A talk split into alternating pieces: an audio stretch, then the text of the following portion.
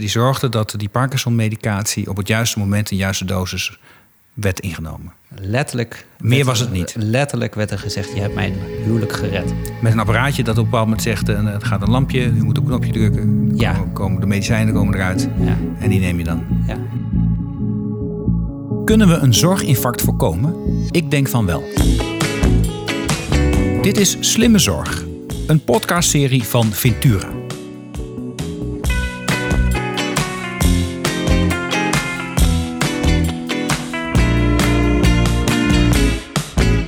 Mijn gast van vandaag is Thijs van Nuenen. Thijs is de bedenker van de Medido, een succesvolle automatische medicijndispenser speciaal voor mensen die meerdere keren per dag verschillende medicijnen moeten gebruiken. Met de Medido stond Daan aan de baas van wat tegenwoordig farmaceutische telezorg wordt genoemd. De Medido wordt inmiddels ingezet bij ruim 6000 cliënten die daardoor zonder externe begeleiding op het juiste moment zelfstandig de juiste medicijnen kunnen gebruiken. Thijs, welkom bij de Slimme Zorg Podcast. Ontzettend leuk dat je er bent. We hebben eindelijk weer een reguliere aflevering van de podcast. Zomerperiode achter de rug. Daarin een aantal thema-afleveringen gemaakt. Je bent weer een echte gast eh, uit het veld. Eh, hartstikke fijn dat je er bent. Maar als je er bent, dan moet je ook die ene vraag beantwoorden. Wat is volgens jou slimme zorg? Voor mij is slimme zorg zorg eh, waarbij we de cliënt zo goed mogelijk ondersteunen. En waarbij we de eh, professionele zorg ehm, ja, zo efficiënt mogelijk eh, ondersteunen. Ehm, zodat we maatschappelijk gezien eh, ervoor zorgen dat ja, cliënten een goede oude dag hebben. zonder een overdaad aan menskracht. Ja. ja, en dat klinkt eigenlijk heel eenvoudig. En dat is tegelijkertijd een van de allergrootste puzzels waar we voor staan. Hè? Om te zorgen dat we, dat we de steeds grotere groep, met name oudere patiënten en cliënten, goede zorg kunnen blijven geven. Als je kijkt naar wat voor, ja, wat voor rekensommen er liggen, hoeveel menskracht daarvoor nodig zou zijn als we niet innoveren. Ehm, en en, en wat, wat voor innovaties ehm, breng jij nou naar de, naar, naar, naar, naar de zorg toe om te zorgen dat we dat, dat, dat zorginfarct dat dreigt, dat we dat ehm, kunnen voorkomen? Nou, wij zijn ehm, eh, ja, gestart met, eh, met de automatische medicijndispenser. Dat is Ik eigenlijk... zie er hier eentje staan eh, op tafel. Ja, klopt. Een soort klok. Ja, dat klopt. Maar het is vast slimmer dan dat. dat, dat is inderdaad ons nieuwe variant. Mhm. Ehm, ja, ik, ik, ik ben begonnen met, eh, met de automatische medicijndispenser... eh naar aanleiding van mijn oma. Mijn oma die woonde in een verzorgingshuis. Ja. En die had medicijnzakjes op schoteltjes liggen. Maar die Ja, had ik, herken artrose. dat, ik herken dat wel. Ja. Ja. Ja, zij had artrose en ehm, kreeg de zakjes niet open. Dus wat zij deed was, ze gooide de zakjes met medicatie weg. En toen zei ik tegen mijn oma van, Echt waar, ze nam gewoon de medicatie niet. ze nam de medicatie niet. Want Klopt. ja, je hebt al artrose. Ja, Ja. dus het zit ook niet zo heel onlogisch natuurlijk. Als je zakje niet open krijgt met je, met je pijnlijke handen, dan eh, ja. Het was vooral ook een stukje frustratie van iets wat je vroeger altijd wel kon. Dat je dat dus nou niet meer kan. En, ehm, en dat vond ze heel erg vervelend. Eh, ondanks dat er een schaar lag. Maar ook die schaar is lastig te bedienen als je artrose hebt. Ja. Ehm, dus het moest eigenlijk heel erg eenvoudig worden. En daar ben ik eigenlijk op ingesprongen. Dat ik dacht van, nou ja, hoe, hoe zit dat dan? Hoe, hoe werkt medicatie aanreiken in, ehm, in, in de zorg? Want Ja. ik heb helemaal geen zorgachtergrond. Ik eh, ben opgeleid als, eh, als industrieel productontwerper. Ja, en ik ben gewoon gaan, op onderzoek gegaan. Eh, kijken van ho- hoe dingen gaan. Ik heb met, eh, met heel veel mensen, eh, apothekers, eh, eh, wijkverpleegkundigen, eh, patiënten, ben ik gaan praten. En zijn we gaan kijken hoe, hoe, hoe een kastje eruit, eruit zou moeten gaan zien. Als je automatisch medicatie wil gaan aanreiken. Oké, maar een kastje is al een oplossing. Maar je bent eerst, eerst op onderzoek uitgegaan. Ja. Waar kwam je tegen? Hoe, wat, hoe, hoe ging het dan in de praktijk? Nou, dat was wel. Of misschien gaat het voor een heel groot deel nog steeds wel zo in de praktijk. Dat weet ik eigenlijk niet. Ehm, natuurlijk gaat het dus nog voor een heel groot deel in de praktijk. Eh, eh, op, een, op zeg maar de oude manier. Maar we, we- het was wel een hele interessante zoektocht. Eh, ehm, er is. eh, ehm, ik, ik ben betrokken geweest bij bijvoorbeeld bij, bij een thuiszorgorganisatie. Dat was toen nog Thuiszorg Amsterdam. Die begon met een, met een eigen apotheek. Dat was toen niet zo'n groot succes. Eh, want ze dachten dat, eh, dat als je als thuiszorgorganisatie cliënten naar de apotheek of naar je eigen apotheek kan sturen, dat alle cliënten wel over zouden stappen. En dat is dus niet het geval. Want nee, mensen echt trouw aan een eigen, aan een eigen apotheek en eigen huisarts. In de eerste lijn zijn mensen echt heel trouw aan eigen aanbieden. Ja, ja klopt. En um, dus, dus toen kwam eigenlijk al naar voren van... Hey, we moeten veel meer gaan, samen gaan optrekken met die uh, met de verschillende spelers.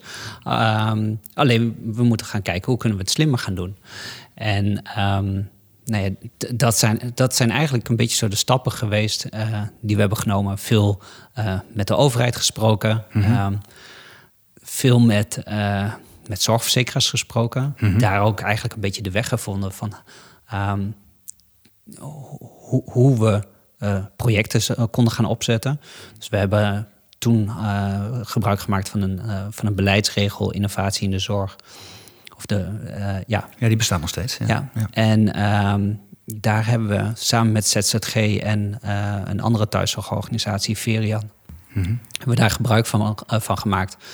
daarmee aangetoond dat dit, ja, dat dit een heel goed alternatief is. En uh, zodoende uh, in 2012 dit voor elkaar gekregen als onderdeel van de AWBZ. Mm -hmm. Dus de voorganger van de wet langdurige zorg is dat, hè? Juist, ja. ja. Um, in 2015 is dit overgegaan naar de zorgverzekeringswet. Ja, want toen zat wijnverpleging zat nog in de AWBZ. En inderdaad in 2015 is die overgegaan naar de zorgverzekeringswet. Klopt, ja. Ja, ja precies. Ja, en um, daar hebben we eigenlijk nog heel erg lang uh, wel terughoudendheid ook gehad vanuit de zorg. Omdat ze toch bang waren dat uh, wetgeving aangepast zou gaan worden. Dus wat, je, wat we heel veel hebben gemerkt is dat er wantrouwen is binnen uh, tussen thuiszorgorganisaties en zorgverzekeraars, maar ook uh, toen ook overheid en uh, thuiszorgorganisaties beleid wat elk jaar wordt aangepast. En ja. gaat het niet over, en dat wantrouwen zit niet ten aanzien van het functioneren van die medicijndispensen. En daar gaan we zo wel vaker diep op in, maar het gaat vooral over van hoe krijg ik gefinancierd dat ik hem gebruik. Ja, maar ook eigenlijk dus heel erg belangrijk, hoe krijg je een innovatie verder? Want een innovatie, dat mm -hmm. doe je niet voor één jaar. Een innovatie nee. wil je voor de lange duur in de markt gaan zetten. En als je er dus als thuiszorgorganisatie niet van op aan kan... dat je volgend jaar of het jaar daarop nog steeds uh, de vergoeding kan krijgen... Op, uh, om die innovatie te blijven financieren of in te kunnen zetten... Mm -hmm ja, dan, dan ben je dus terughoudend om te gaan innoveren. En dat heb, daar ben ik zeker toen tegen aangelopen. Dan praat je inderdaad over de uh, 2010, 2015. Uh, was dat allemaal nog wel heel erg lastig.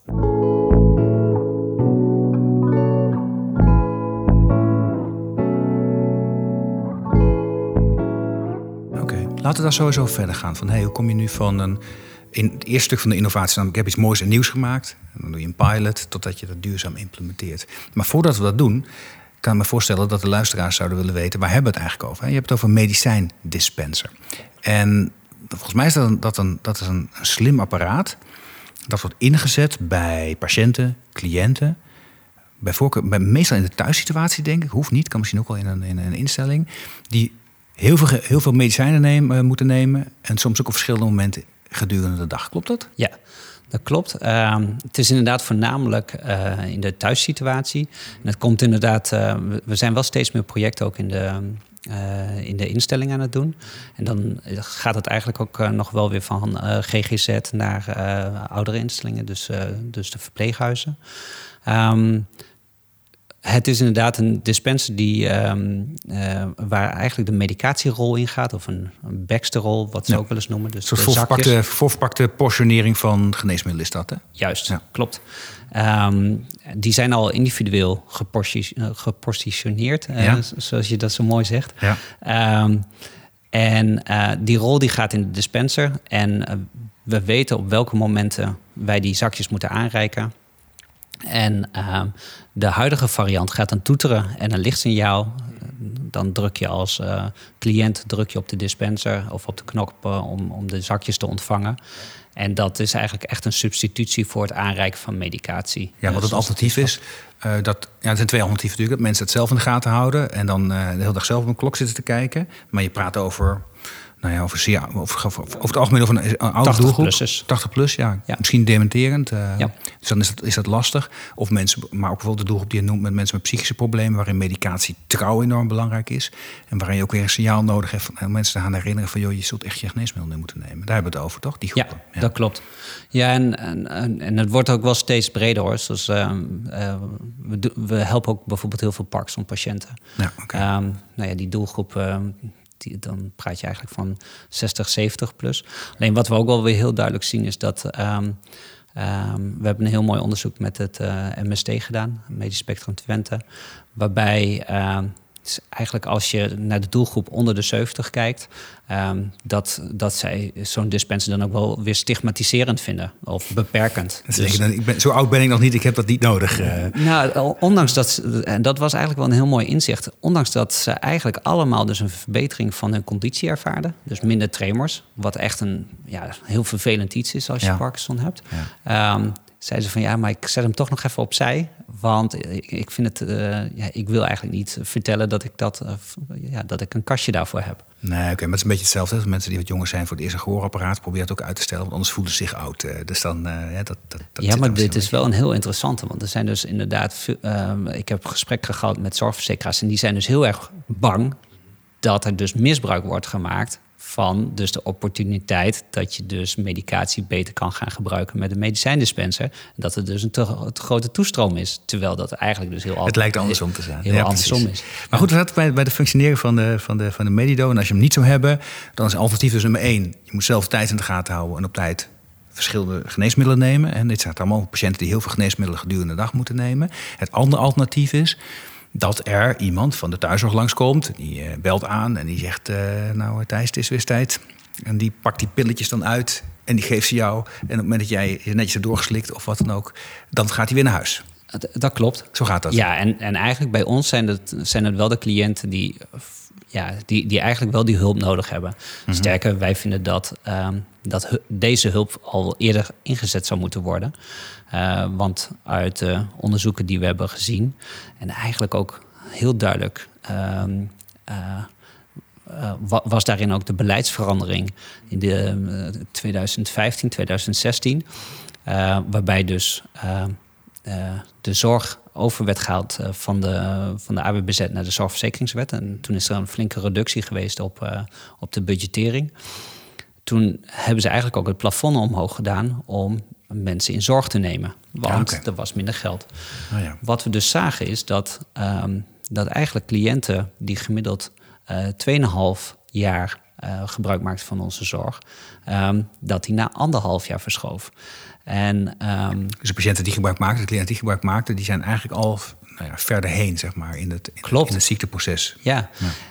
En dat, maar dat levert ook iets anders op. Ehm, en dat heb ik ook wel bij veel thuiszorgorganisaties nagevraagd. Van ja, zien we nou eigenlijk dat de thuiszorg weer een stukje voorportaal is geworden van de intramurale zorg? Eigenlijk is het de wachtkamer weer geworden. En dat wilden we juist nou net niet. We wilden heel graag dat Mensen zelfredzaam blijven en zo. Ja. Exact. Ja. En, en, en dat, ja, dat, dat schuift op. Dus wij zijn heel erg aan het zoeken. Hoe kunnen we er nou voor zorgen dat cliënten toch sneller eh, hun, beter hun medicatie gaan gebruiken? Want we zien heel duidelijk dat als je beter je medicatie gaat gebruiken, dat dat eh, positieve effecten op de conditie heeft van, eh, van cliënten. Dat hebben we gezien in de, in, in de eh, studie met, eh, met het MST. Maar we zien dat eigenlijk ook eh, continu in het dagelijks leven. We hebben een heel mooi voorbeeld van cliënten die. eh, die, die bijvoorbeeld hartfalen hebben, bloeddrukverlagers eh, goed moeten gebruiken. Als ze dat niet goed gebruiken, blijven ze duizelig, waardoor ze dus de straat niet op durven om, om, om hun boodschappen te halen. En die zitten in een visueuze cirkel die eigenlijk negatief werkt. En op het moment dat ze wel eh, goed hun bloeddrukmedicatie gebruiken, durven ze ook de straat op, waardoor dus verstijving eh, weer, eh, weer minder is, eh, waardoor ze dus weer hun eigen boodschappen doen. Dus het, het heeft zoveel meer effect als, je, Ja. als mensen beter in, hun- in hun conditie zitten. Ja, ja. Daar kan medicatie een hele belangrijke bijdrage aan leveren. Zeker bij de cliënten waar wij ons op richten. ja, en dus zeg jij van het gaat, gaat niet alleen over dat je dus um, wat druk afhaalt van de, van de wat, wat arbeidsdruk vanuit die thuiszorg wegneemt, omdat dat die dispenser een deel van die taken kan overnemen, een klein deel van die taken, namelijk nou ja, het echt daadwerkelijk distribueren van de geneesmiddelen. Maar het allerbelangrijkste is dat je kunt waarborgen dat iemand altijd op het juiste moment de juiste hoeveelheid uh, geneesmiddelen inneemt. Op, voor patiënten waarin dat enorm belangrijk is dat ze dat doen. Helemaal juist, ja. ja. We zien nu dat we bij... We hebben nu zo'n uh, ja, ruim 6000 cliënten die we voorzien dagelijks van medicatie. Daar besparen we ongeveer 300 FTE uh, mee. Is dat zoveel? Ja, dat is echt wonderbaarlijk veel. Ja, en, en, dat wordt niet omstreden, want ik kan me wel voorstellen dat, dat, dat heel veel van die taken, dat, dat, dat bijvoorbeeld een thuisorganisatie zegt, ja, maar dat, dat, dat, dat, dat, dat wat verstrekken van die geneesmiddelen, dat doe ik, terwijl, dat, dat doe ik er een beetje bij. Want ik ben er toch al, hè, ja. trekken de steunkous al aan bij wijze van spreken, en dan, uh, dan doen we dit ook meteen. Ja, nou, wat, wat bijvoorbeeld een hele interessant is, is dat, mm -hmm. um, en dat hadden we in het begin helemaal niet zo in de gaten, maar veel, um, de, de zorgmomenten worden meer opgeknipt vanwege de medicatie. Dus wat je krijgt is dus dat uh, om acht uur s ochtends uh, eerst even snel een rondje wordt gedaan om uh, medicatie aan te reiken. En vervolgens later teruggegaan wordt om de steunkousen aan te, aan te trekken. Dan zit je dus de hele dag op de zorg, op, weer op plukje zorg te wachten eigenlijk ook. Ja, ja. ja en dat vinden dus heel veel, wijk, of heel veel cliënten vinden dat ook eigenlijk best wel vervelend. Ja. Want die, zit, die zien op een dag zien ze, uh, verschillende wijkverpleeg, of wij, wijkverzorgenden. Ja. Um, en, en eigenlijk willen ze heel graag zorg van iemand waar ze een relatie mee kunnen opbouwen. Dat ze, uh, ja, waar, waar, waar, ze meer mee, uh, ja, waar, ze ook een praatje mee kunnen maken dan iemand die even langskomt om pillen aan te reiken. En wat dus het leuke van de, van de dispenser is, is dat uh, dat moment van acht uur, dat doen wij. Um, dan kan de cliënt ook vaak nog even in bed blijven liggen om bijvoorbeeld uh, omdat het pijnmedicatie is. Dus een, mm -hmm. een, cliënt kan dan, ja, die springt niet even zo uit bed uh, van yes, ik heb mijn pillen. Dus uh, nee, die moet eerst in gaan werken. En na een half uurtje kun je dan de, kunnen ze zelf uit bed komen. Mm -hmm. En mhm. dan komt de zorg even langs om, de, om, om kousen aan te doen of, ja. Ja. of om, om brood klaar te maken, helpen aan te kleden. Ja, precies. Dan heeft zo'n zo middel al, al het, het werk gedaan, waardoor ook iemand in staat is om die kousen aan te krijgen en aangetoond te krijgen. En op een aangename manier. Het is interessant, dus er is echt veel voordelen aan. Je bespaart arbeidskracht uit. Ja. Je zit op 6000 cliënten. Ik, en dat klinkt heel veel, maar om hoeveel potentiële mensen in Nederland gaat dit? Die, die zoveel geneesmiddelen dagelijks moeten slikken? Weten, nou, weten we hoeveel dat is? Ja, we, we weten behoorlijk goed hoe. We weten dat. Uh, er is onlangs een rapport geweest van, uh, van VWS. Die heeft aangegeven, of daarin staat, aanges, staat beschreven dat het er. Um, 28.500 zouden moeten zijn. Mm -hmm. uh, maar daar waren een heel aantal groepen waren nog niet meegenomen. Dus uh, wij zitten zelf dat het tussen de 60.000 en 100.000 cliënten uh, zeker zouden moeten zijn. Oké, okay. waarvoor deze, zo'n dispenser echt van meerwaarde zou kunnen zijn. Ja, ja, en we zijn nu ook bezig met een variant die, die eigenlijk wat eenvoudiger is. Mm -hmm. Deze dispenser die maakt ook bijvoorbeeld de zakjes open. Mm -hmm. Refererend ook naar mijn oma, ja. die inderdaad uh, haar zakjes zelf niet kon openen. Um, we, we, zijn nou bezig met een wat eenvoudigere dispenser... die ervoor zorgt dat mensen wel goed een medicatie kunnen gebruiken... Mm -hmm. um, ja, en, en die groep is, uh, dat, ja, dat is een hele belangrijke groep die nu een beetje tussen het wal en het schip. Uh, Bijvoorbeeld die hartfalengroep die je net hebt. Die hebben, ja. markeert niks in je handen. Je kunt prima een zakje open krijgen. Maar ja. die moeten wel op tijd hun medicatie nemen. Ja, en die hoeven eigenlijk nog niet de professionele zorg te hebben. Dus nee. uh, wij, wij zien eigenlijk nu ja, drie verschillende groepen. Eigenlijk de cliënt die zelf uh, ja, een hulpmiddel zoekt om uh, beter aan de medicatie uh, te denken. Mm -hmm. dan heb je de mantelzorg die zegt van, nou pap, misschien is het goed als, uh, als je eens wat beter aan, de, aan je medicatie denkt. Ja, of ik, wil, als ik, ik weet niet wel zeker als ik het via zo'n medido doe, dan weet ik niet wel zeker dat je het op tijd neemt. Juist. Ja. Mm. En dan heb je de professionele zorg. Mm -hmm. En met de medido, daar, daar richten we echt op de professionele zorg. En we zijn nu bezig om voor uh, de eerste twee groepen ook hulpmiddelen te ontwikkelen. Om uh, ja, om tegen lage kosten eigenlijk uh, ja, die, die zorg uh, te gaan verbeteren. Omdat we zien dat als je beter je medicatie gebruikt, dat dat zo ongelooflijk veel effect heeft. En dat is dat, dat, eigenlijk is dat ook wel bekend. Want als, uh, als er studies worden gedaan uh, vanuit de farmaceuten, dan Mhm. staat het ook allemaal wel mooi in beschreven. Het gaat over altijd over medicatie trouwens. hè. Dat eeuwige item. Dus een woord dat misschien de gemiddelde luisteraar niet kent. hè, Maar medicatie trouwens, dat gaat altijd bij geneesmiddelen gaat het daarover. Allemaal leuk. We kunnen geneesmiddelen maken. We kunnen precies doseren. We kunnen allemaal uitrekenen hoe, welke do- dosis het zou moeten zijn. Je kunt je afvragen trouwens als je tien middelen neemt... of je dan nog steeds precies neemt. Dat is een andere discussie. Maar ja, alles staat of valt bij dat iemand het middel dat wel, werk wel neemt. Op de juiste manier, op het juiste moment. Ja, Exact. ja. Ja, en, en nou ja, we zien dat zo duidelijk. eh, ja, dat, dat, dat we daar eigenlijk echt ons, eh, ja, on- ons heel erg voor in willen zetten. Om, om de patient journey in het gebruik van medicatie zo optimaal mogelijk te maken. En dat is dus ook niet meer dat we alleen maar met dispensers bezig zijn, maar we, we zien bijvoorbeeld ook een, een hele eenvoudige eh, innovatie, de druppelbril.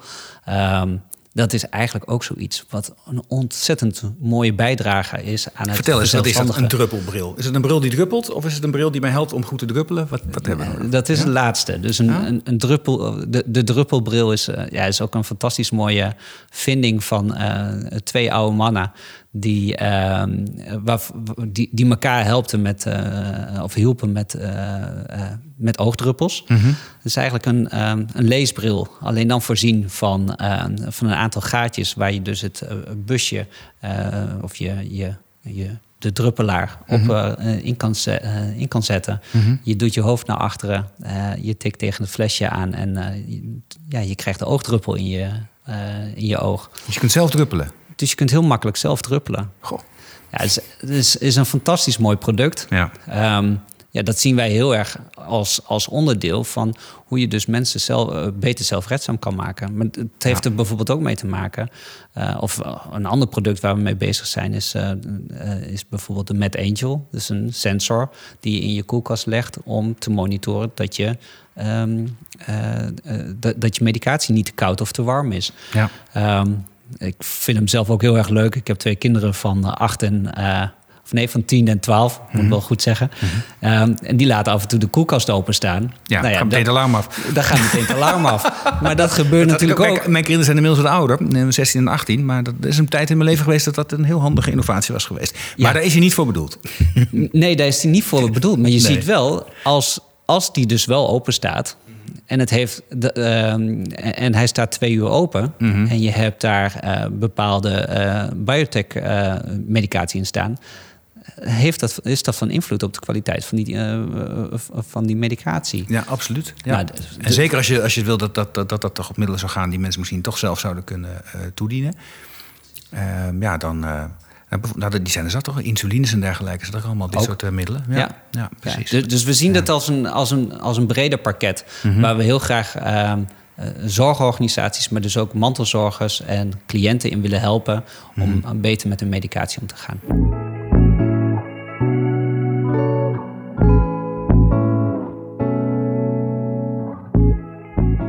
Daarmee verbeter je dan de zorg hè, voor de individuele patiënt of cliënt. Maar bespaar je ook heel veel mankracht uit. En als we daar denken over een zorginfarct, dan gaat het over een situatie waarin we met de hoeveelheid mensen in de zorg die daar werken, professionals, niet meer staat zijn de noodzakelijke zorg te leveren. En dan vind ik heel interessant dat je zegt: ik kan nu al met die Medido, terwijl er 6000 eh, cliënten voorzien, bespaar ik al 300 man uit. Juist. Fulltime heeft FTE, zoveel? Ja. Echt waar? Ja. En dat is directe besparing. Dat is, of heb, je daar Ja, ook in meegenomen het vervolg, de vervolg-ellende die je voorkomt doordat je op tijd geneest Nee, dat zit er allemaal niet in. Dat zit er nog niet in, dus dat zou nog wel eens eh, meer kunnen zijn dan eh, dat. Het is, ehm, het, het is berekend inderdaad. Eh, dus het is niet een. eh, eh, eh, ja, het, het, is een theoretisch getal. Ehm, het is, nog maar niet re- het is nog geen gepubliceerd wetenschappelijk getal. Dus nee, precies. Maar, maar het is wel... eh, Wel onderbouwd. eh, ja, het zal eens 10% erboven of eronder kunnen zitten... Maar, maar het zal echt niet zo heel gek veel schelen. Eh, en het is vooral besparing op reistijd. Ehm, eh, dus, dus waardoor je dus eh, cliënten... eh, of waardoor je de zorg weer effici- efficiënt kan inzetten. En het is besparing op, ehm, eh, op, de in, op de productiviteit. Dus het, het daadwerkelijk de handeling zelf. Ja, precies.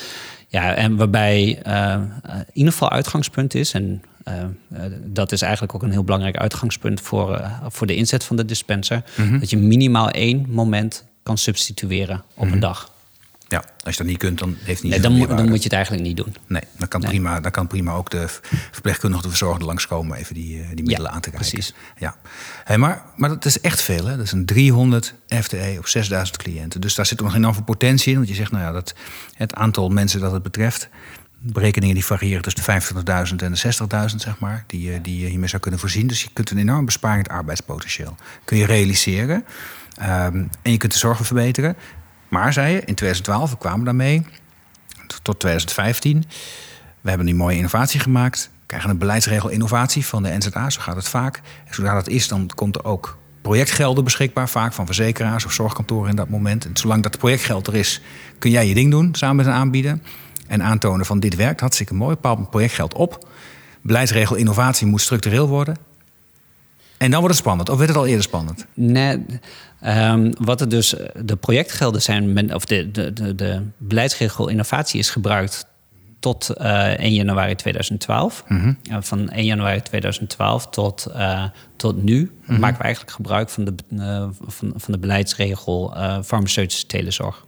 Nee, oké. Dus, dus het is een, sinds die tijd is het allemaal reguliere zorg op Precies, dus eigenlijk is, mhm. was het reguliere zorg. Alleen dan mhm. kom je wel... Eh, de eerste jaren was het nog wel dat heel veel thuiszorgorganisaties zeiden van... ja, maar bestaat die, vol, uh, bestaat die volgend jaar nog wel? Oké. Nou, dat traject, daar zijn we, uh, zijn we dus nu inderdaad over... zijn we lang en breed voorbij. Ja. Alleen wat we nog wel zien is dat zeg maar 20% van de wijkteams... die doen ongeveer 80% van de cliënten... Dus daar is nog wel een heel potentieel te behalen natuurlijk. Dat we eigenlijk die andere 80% van de wijkteams moeten gaan overhalen of moeten uh, gaan helpen bij hoe zet je dit soort producten nou in. Ja. Ja, dus dan zie je dus dat, dat, dat, nou, dat, dat je hebt al een, een, een nieuw, nieuwe hobbel bij mij geïntroduceerd. En ik ken, wist altijd wel van nou, als iets project, projectgeld is, dan is het extra geld. En dan dat lukt altijd nog wel. Bepaald moet regulier worden gefinancierd. Dat is altijd heel spannend. Maar jij geeft aan, ook als het regulier gefinancierd kan worden, dan nog kan, kan het gevoel bestaan. Ja, maar die financiering is dit jaar wel. Maar je weet het volgend jaar niet. Nou goed, daar ben je dan ook doorheen. heb je allemaal gehad. Um, met een innovatie die aantoonbaar de zorg verbetert en die aantoonbaar de druk van de professionals afhaalt. En, uh, en op het moment dat wij dit opnemen, is net is de commissie Terpstra, die uh, moest kijken naar meer zorgprofessionals, die is net gestopt. Die heeft de handdoek in de ring geworpen. We hebben gisteren een ingezonden brief in de Telegraaf gezien, volgens mij van de voorzitter van de, van de verpleegkundigen, ja, toch? ja. ja. Van uh, ja, we moeten vooral weer aan de arbeidsvoorwaarden van verpleegkundigen, want anders lopen we vast in een infarct. Nou, wellicht is daar ook wel wat te doen. Maar jij zegt, ik heb hier innovatie, daarmee kan ik echt direct die verpleegkundigen ontlasten. Maar in de praktijk wordt er in hoge 20% van de gevallen op dit moment, zou je ongeveer kunnen zeggen, wordt het ook ingezet. Ja. Waar zit het? Wat, waarom, waarom gaat dat zo traag sinds 2012? En we zijn toch echt negen jaar verder inmiddels. Klopt. En wat wij zien is dat, um, nou ja, eigenlijk toen we begonnen met uh, zelf wijkverpleegkundigen inzetten om wijkverpleegkundigen te helpen, mm hebben toen zijn we eigenlijk pas echt hard gegroeid. Uh, zoals wat je uh, wijkverpleegkundigen die, die, die hebben gewoon heel veel mogelijkheden om zelf te bepalen van hoe ze de zorg willen, willen inzetten. Ja, dat is op, met, op, op, met opzet zo geregeld. Hè? Dus met, precies, met, de introductie, met de herintroductie van de wijkverpleegkundige in 2015, de zorgverzekeringswet gezegd deze, deze persoon moet, moet weg van dat al eeuwige vinken van lijstjes en dergelijke. Je moet zelfstandig als professional kunnen indiceren en bepalen wat er voor zorg nodig is. Ja, en dat is ook op zich hartstikke goed. Alleen um, ja, als je dus niet, uh, als je geen ervaring hebt met, met dergelijke producten, dan, uh, dan zet je zo niet in. Nee, dus we zijn heel erg bezig met, uh, ja, met de mindset veranderen. En daarin is het dus heel erg belangrijk dat wijkverpleegkundigen elkaar helpen om, om die mindset te veranderen. om, om te vertellen van wat de, wat de impact is op je werk. hoe kun je hoe kun je dus eigenlijk efficiënter bijvoorbeeld met je routes omgaan? Of hoe kun je, um, hoe, hoe, kun je cliënten mm ervoor zorgen dat ze langer uh, zelfredzaam zijn. Um, ja, en dat, dat, zijn, dat zijn hele belangrijke dingen die op dit moment nog veel te weinig aandacht uh, krijgen op school. Mm -hmm. um, ondanks dat we bijvoorbeeld ook wel lesgeven op school. Dus mm -hmm. wij hebben ook uh, ja, mensen die, die naar de ROC's of naar de HBO's gaan om, om uh, daarover te vertellen. Ja. Um, maar het is, het is eigenlijk parochiewerk. We zijn uh, van, van dorp naar dorp aan het trekken, uh, van stad naar stad, ja. om te vertellen um, ja, dat het ook op een andere manier kan. Zorg hoef je niet alleen met je handen te, te leveren. Nee dit soort hele mooie producten uh, kunnen echt een hele belangrijke bijdrage zijn uh, aan het welbevinden van de cliënt. En eigenlijk vind ik dat een veel grotere uh, besparing dan alleen maar de fysieke mankracht die we besparen. Dit zorgt er namelijk voor dat Um, ja, dat cliënten langer zelfstandig kunnen blijven en nog wel zelf de boodschappen kunnen doen. Dus niet iedere keer hoeft te vragen aan de buurvrouw of aan de uh, aan familie om, de, om boodschappen te halen. Want dat zijn ook allemaal maatschappelijke uh, ja, kosten die, uh, die, die, die we eigenlijk nog nauwelijks zien. Als, uh, er, zijn, er is natuurlijk best wel bekend wat, uh, wat mantelzorg kost. ik geloof dat er zelfs projecten zijn om mantelzorgers te gaan betalen als, als invalkracht voor, voor de zorg. Ja, of om, mantelzorg te verplichten als iemand in een verpleeghuis komt. Hè. Dat gebeurt ook her en der wel voor bepaalde taken. Ja. Nee, dat, dat, dat, dat is van enorme waarde.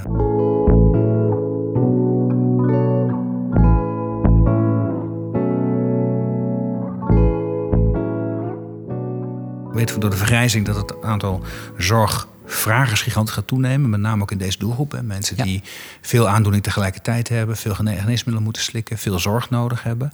En dat tegelijkertijd door de ontgroening het aantal mantelzorgers gewoon heel hard afneemt. Dus, dat, uh, dus, dus elke mantelzorger die we hebben, die kunnen ontlasten of kunnen ondersteunen. die moeten we enorm hard koesteren.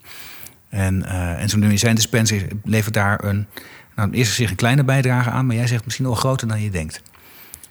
Ja, zeker. Ja. Um, want we, we zien gewoon van als je beter je medicatie uh, gebruikt, um, ja, dat je dus een betere conditie hebt uh, mm -hmm. en, en, langer zelfstandig uh, nog handelingen zou kunnen uitvoeren. En, een hele mooie is bijvoorbeeld uh, bij Parkinson. Dat als uh, mensen uh, minder tremors hebben, mm -hmm. dat, ze, dat ze dus ook bijvoorbeeld mobieler blijven. Iets wat ontzettend belangrijk is om ehm, ja, op het moment dat je Parkinson hebt.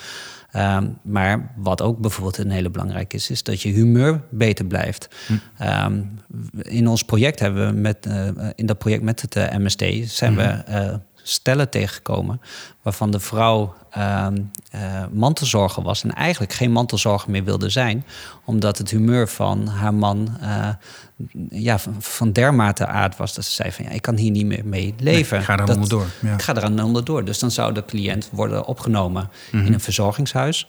Ehm, terwijl met een beetje hulp uh, er een hele goede, uh, goede mantelzorger zou zijn uh, om, om wel uh, om te kunnen voorkomen dat, uh, dat iemand naar een verzorgingshuis gaat. Ja, en die hulp was dus gewoon echt een medicijndispenser die zorgde dat die Parkinson-medicatie op het juiste moment in juiste dosis werd ingenomen. Letterlijk. Meer was het niet. Letterlijk werd er gezegd: Je hebt mijn huwelijk gered. Met een apparaatje dat op een bepaald moment zegt: Het gaat een lampje, je moet op een knopje drukken. Ja. Komen, komen de medicijnen komen eruit. Ja. En die neem je dan. Het, is, het klinkt niet echt als hogere wiskunde namelijk. Uh, nee, dit snap ik zelfs. En ik ben ja, maar jurist.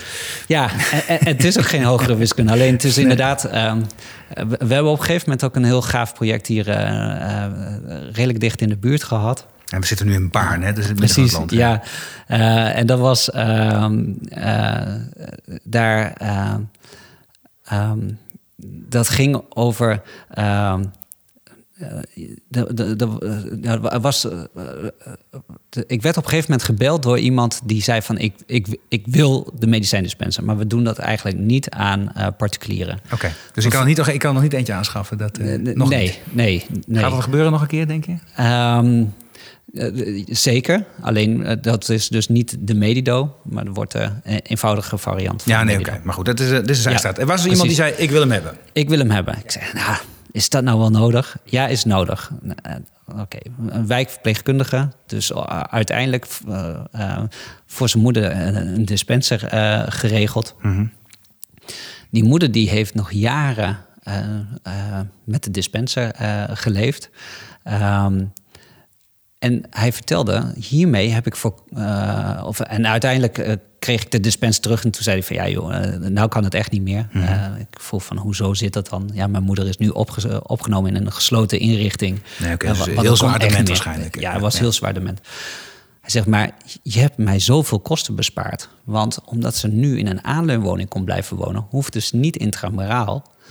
En had ik dus, uh, kon ik dit dus heel makkelijk betalen, gewoon uit eigen uh, middelen.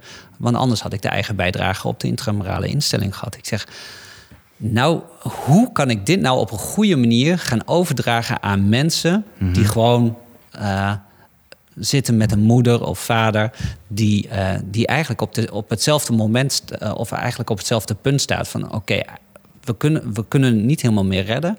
Ehm, maar ja, hoe gaan we iemand daarin begeleiden? En hoe, hoe, hoe kunnen mensen dus het vertrouwen hebben van als ik dus deze beslissing maak, dan, ehm, dan kan, ik ervoor, eh, kan ik voorkomen dat mijn moeder hoeft, eh, zo snel hoeft te worden opgenomen in een eh intramurale instelling. Ja, nou ja, Natuurlijk is dat heel erg persoonlijk, hè? Dus dat eh, bij de hangt de situatie af. Maar je geeft eigenlijk het voor, Exact. al wel aan wat ongeveer ging. Want de persoon die uiteindelijk deze dispenser aanschafte... was zelf ook wijkverpleegkundige. Dus eigenlijk Ja. zelf een professional.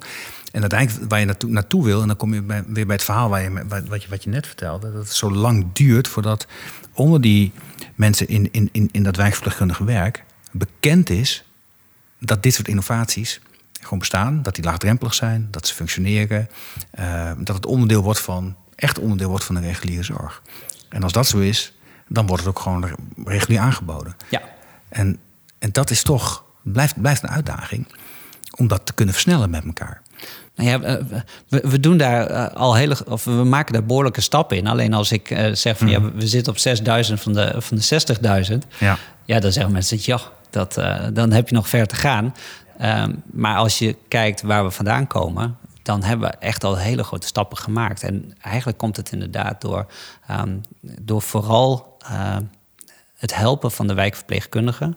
Ehm, maar we denken ook dat er bijvoorbeeld een hele grote kans is bij eh, apothekers. eh, om, om dus eh, de professionals zelf beter in te zetten ehm, in het. hoe- hoe kun je dit soort producten nou op de juiste manier inzetten en bij welke cliënten? Ja. Ehm, ja, en, Ja, dat ook die, en- en dat die apotheker die de middelen verstrekt... ook met, met, met, met wijkverpleegkundigen en anderen in gesprek gaat zeggen... joh, op deze manier gaat het beter. Exact. Ja, en op het moment dat je dus als apotheker Baxterrollen begint te verstrekken, want dat, dat hoeft niet. Hè. Heel vaak iemand begint met een aantal geneesmiddelen en op een bepaald moment wordt het complexer. En dan wordt er wel gevraagd van dan kan het ook in Baxter. Ja. Toch? En dan wordt het in die rollen aangeleverd. Dat zou eigenlijk ook een heel helder signaal zijn van nou, misschien moet je ook over de Medido gaan nadenken. Ja, vaak zit daar een, een periode tussen. Dus die Baxter-rol is... eh, dat, eh, er zijn in Nederland zo'n eh 600, 700.000 mensen die, eh, die inderdaad een Baxter-rol krijgen. Oké, dat daar- zijn er wel heel wat meer nog, Het ja. is echt nog een hele grote groep meer. Maar er Ja. zit natuurlijk ook eh, eh, aan de intramuraal wordt tegenwoordig alles wordt Baxter gedaan. En Ja. dan een belangrijk, of het gros gaat naar mensen die...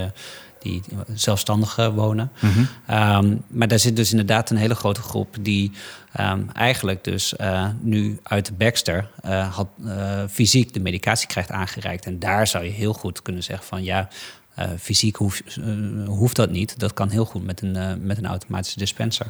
Ja. Nou, nou rennen wij in dit land af op een, nou, een enorm personeelstekort in de zorg. Dat, dat, bijt aan alle kanten. En dat, dat knelt eh, nu al enorm. Eigenlijk zijn er nu grote tekorten. Ik geloof 100.000 mensen tekort. Het gaat alleen maar toenemen. Op dit moment werkt 1 op de 7 Nederlanders in de zorg. Dat kan helemaal niet toenemen. Vergeleken. In het buitenland is 1 op de 10. Daar hebben ze nog wat rek. Wij zitten al een maximum aantal mensen. Dus het knelt, gaat alleen maar harder knellen. Merk je dat nou ook? Nee, merk je nou ook dat, dat, dat aanbieden van wijkverpleegkundige zorg bij mensen als jij komen en zeggen: ja, jij maakt innovaties, help mij, want we lopen klem? Of gebeurt dat nog niet? Dat begint wel, ehm, dat, dat, dat begint nu wel te komen. Dus daar waar het vroeger een, eh, eh, veel meer een, eh, iets was vanuit kosten, eh, een efficiency, krijgen we nu veel meer ehm, inderdaad het capaciteitsvraagstuk naar voren. De- dus je merkt wel dat er echt een duidelijke shift is. Is van oké, het geld is er wel. We hebben gewoon de middelen niet meer. Of de mensen hebben Ja, niet meer om, eh, om de zorg te leveren. En, ehm, en eigenlijk op het moment dat dat ehm, eh, komt, zie Mhm. je dus dat er, ehm, dat er ook veel meer mogelijkheden gaan ontstaan om, eh, om na te denken van hoe kunnen we dan ja, dit beter inzetten. Want het is niet iets van oké, eh, het is alleen een vervanging. Nee, het is vaak ook een manier van werken. Dus Ja. wat je ziet is dat, ehm, dat, dat de planning bijvoorbeeld veranderd kan worden. Je kunt veel eh, efficiënter gaan plannen, want niet iedereen hoeft om acht uur ehm, de medicatie te hebben. Nee. Ja, dat blijft wel. Maar dat hoeft dus niet fysiek meer te worden gedaan. nee. Het gros van, de, van de cliënten, precies, die, die krijgt tussen 8 en 9 krijgt ze de medicatie. Dat is natuurlijk nooit bij te houden vanuit, uh, als je dat fysiek, uh, fysiek zou willen doen. Nee.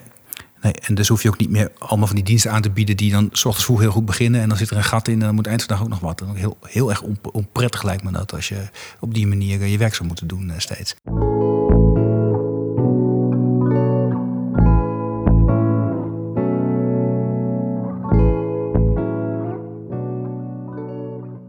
Zorgverzekeraar gewerkt, ben zelf politicus geweest. Als je het had over ja, efficiëntie in de zorg en doelmatigheid. Dat waren maar geen populaire begrippen. Want ja, hè, dat gaat over zorg, dat mag wat kosten en zo. Van het kostenperspectief, wat ook een relevant probleem is overigens in de zorg. Maar we daar niet te veel van wegkijken. Maar goed, daar maak je geen vrienden mee. Maar, en, ik kan me ook voorstellen, al die wijkverpleegkundigen... die jarenlang vinklijstje hebben ingevuld... zoiets met dat ook het idee van management en doelmatigheid... het zal allemaal wel. Maar als het gaat over, ja, maar ik kan zorgen dat jij je werk beter kunt doen. En dat je niet continu onder druk staat. Dat je een ander verhaal hebt. En, dat, en die switch is nog niet mentaal nog niet helemaal gemaakt in Nederland. Dat doelmatigheid betekent dat je gewoon fatsoenlijk je werk kunt doen. In de zorg. Ja, dat klopt. Ehm, want ik, ja, ik denk dat er toch nog heel veel mensen zijn die denken dat, uh, dat warme zorg geleverd wordt met warme handen. Ja. En ehm, en, en natuurlijk is dat ook een heel belangrijk aspect. Alleen wat wel heel erg belangrijk is, is um, op het moment dat die warme handen eh, even in en uitrennen, is dat niet efficiënte zorg en is ook geen warme zorg. Dan is het eh, de handeling verrichten en, um, en snel weer weggaan. Um, en dan zeggen mensen, ja, maar dan heb je wel in ieder geval kunnen zien hoe mevrouw erbij zat. Aan de andere kant, op het moment dat, uh, dat de cliënt wel zelf op de, de knop kan drukken, uh, weten we in ieder geval dat er ook wat gebeurt in die huiskamer. Um, en dat je daarmee momenten zodanig kan combineren dat je wel even gedag kan zeggen. Of dat je wel even de tijd kan nemen om in ieder geval iets meer te praten dan hallo of doei ja, dan, dan, dragen we bij aan, aan wel warme zorg. En, en dat is eigenlijk een heel, heel belangrijk aspect wat, uh, wat hierin zit. Het is niet alleen inzet van, uh, omdat het efficiënter is. Het is ook omdat je omdat je, je zorg bijvoorbeeld beter kan, kan organiseren. Omdat je niet drie keer op een dag bij een cliënt hoeft langs te gaan, maar met één goed moment of twee goede momenten. Dat je dus, ja, dan kun je ook betere zorg leveren. Ja, ja, dus we hebben daar, daar nog wat te winnen. Het gevoel dat het, het, het beeld dat, dat innovaties in de zorg, hè, technologische innovatie in de zorg, uh, daadwerkelijk ook bijdraagt aan, het, aan warmere zorg. Doordat je, nou ja, dat je die zorg beter kunt organiseren op het juiste moment. Dat, en, dan ook, en ook misschien dan voor een iets langer moment in plaats van helemaal opgeknipt. Klopt. Daar hebben we het over. Ja, en wat, wat wij toch ook wel van heel veel cliënten horen, dat ze het heel erg vervelend vinden. Dat ze bijvoorbeeld moeten wachten op een wijkverpleegkundige. Maar dat ze mhm. echt wel in staat zijn op het moment dat ze de juiste hulpmiddelen hebben. Uh, om zelf uh, bijvoorbeeld een handeling uit te voeren. Of wat, uh, wat ze ook heel erg vervelend vinden, is dat, um, dat ze worden geconfronteerd met heel veel verschillende personen. Mm ze, hebben heel veel, ja, ze, ze, vinden het prettiger dat ze gewoon één of twee mensen hebben waar ze regulier de zorg van krijgen. Ja, en dat kun je alleen maar plannen op het moment dat je heel doelmatig de mensen kunt inplannen en gebundeld ook. Want anders werkt dat niet. Ja, ja, precies. Dus er valt nog heel veel te winnen. Ja. Maar je zijn ook al heel goed op weg. Maar stel nu, we zijn nu, er wordt nu geformeerd. Duurt eeuwig, maar goed, er, schijnt, er gaat ongetwijfeld een keer een kabinet komen. Nou, daar gaan de mensen zeggen, daar gaat toch rondgebeld worden. Dan zoeken ze een nieuwe minister uh, volksgezondheid. En ze bellen jou. En jij zegt ja, want anders, uh, ja, dat, anders wordt het ook zo saai. Uh, um, of je zegt, ik zeg nee, maar ik heb wel een goed advies. Maar wat zou eigenlijk het eerste zijn wat een minister van Volksgezondheid zou moeten oppakken als jij in die schoenen stond? Kijkend naar deze problematiek of uitdaging. Ja, um, dat is inderdaad een hele leuke vraag. Um, ja, ik, ik, denk dat we echt wel op een hele andere manier moeten gaan kijken naar, uh, naar, naar zorg. En zeker naar, uh, zoals, we, uh, zoals we eigenlijk de, de, de welvaartsziekte dan noemen. Zoals mm -hmm. um, ja, de ouderenzorg, waar we veel tegenaan kijken. gewoon omdat we ouder worden. Ja. Um, ik denk namelijk dat, uh, dat de samenwerking tussen uh, de eerste lijns en de tweede lijns heel veel beter kan. We zijn bijvoorbeeld nou gestart met een project mm -hmm. um, uh, met een thuiszorgorganisatie die eigenlijk een applicatie die voor het ziekenhuis is ontwikkeld, aan het inzetten is. En dat is, een, dat zijn, dat is eigenlijk een, een coach. Ehm, daar hebben wij nu de Vita-coach van gemaakt. Dus een vragenlijst om een stukje monitoring te doen op de vitaliteit van, van cliënten. Hele leuke dingen uitgekomen. klinkt ook echt iets wat je in de eerste lijn vooral doet. Stuur vitaliteit. Niet meer met, met iemand aan een ziekenhuis is. Nee, klopt. Hm. Maar, het is ziekenhuiswereld ontwikkeld eigenlijk, een tweelijnswereld. Ja, we hebben hem een beetje omgebouwd. Want hij hm. werd, uh, het, het, is een coach die is ontwikkeld voor, uh, voor de monitoren van hartfalen, mm diabetes, de combinatie, Parkinson. Mhm. Dus hij, vanuit dat perspectief kwam hij uit het ziekenhuis. Mhm. Um, die hebben, uh, daar hebben we eigenlijk een nieuwe coach ontwikkeld. En dat is de, vitali uh, de dus de vitaliteitscoach. Mm -hmm. um, die zetten we nu in, uh, in, um, in de thuiszorg.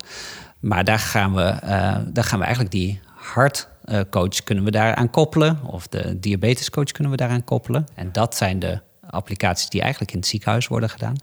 Uh, maar wat we uh, zagen is dat er heel veel verschil in opleiding is bij verpleegkundigen in de thuiszorg. Iemand die bijvoorbeeld een achtergrond heeft uh, in de poli van het ziekenhuis op hartfalen, mm -hmm. die gaat op een heel andere manier met de cliënt om in zijn wijk dan iemand die niet die opleiding heeft gehad. Ja. Nou, dat was een ontzettende eye-opener eigenlijk. Uh, want daarmee kunnen we met die vitaliteitscoach kunnen we twee dingen doen. Enerzijds het niveau van medewerkers uh, in, de, uh, in de thuiszorg verder omhoog brengen. Ja, en daar wat meer specialistische ja, kennis inbrengen. Ja, ja die, die specialistische en eigenlijk een, een stukje standaardisatie gaan verhogen. Mm -hmm. en anderzijds kunnen we dus de poli ontlasten. Mm -hmm. Omdat dit soort zaken helemaal niet in de poli hoeven thuis te uh, of uh, hoeven plaats te vinden. Ja. Want op het moment dat we zien dat er iets aan de hand is bij die cliënt, kun je vanuit de thuiszorg veel sneller schakelen dan vanuit de poli. Nou, dat, dat zijn echt hele interessante zaken waar, we, waar ik ja, waar ik heel, heel graag advies op zou willen geven hoe we dat dus beter zouden kunnen doen. Ja, die uitwisseling, die, die, die veel betere verbinding tussen de eerste en de tweede lijn. Ja. Want inderdaad, um, dat zijn toch behoorlijk gescheiden werelden nog steeds. Um, eigen financieringen, maar ook, ja, ook, ook als ik kijk daar, bijvoorbeeld een mooi voorbeeld, mijn eigen moeder. Mijn moeder is longpatiënt.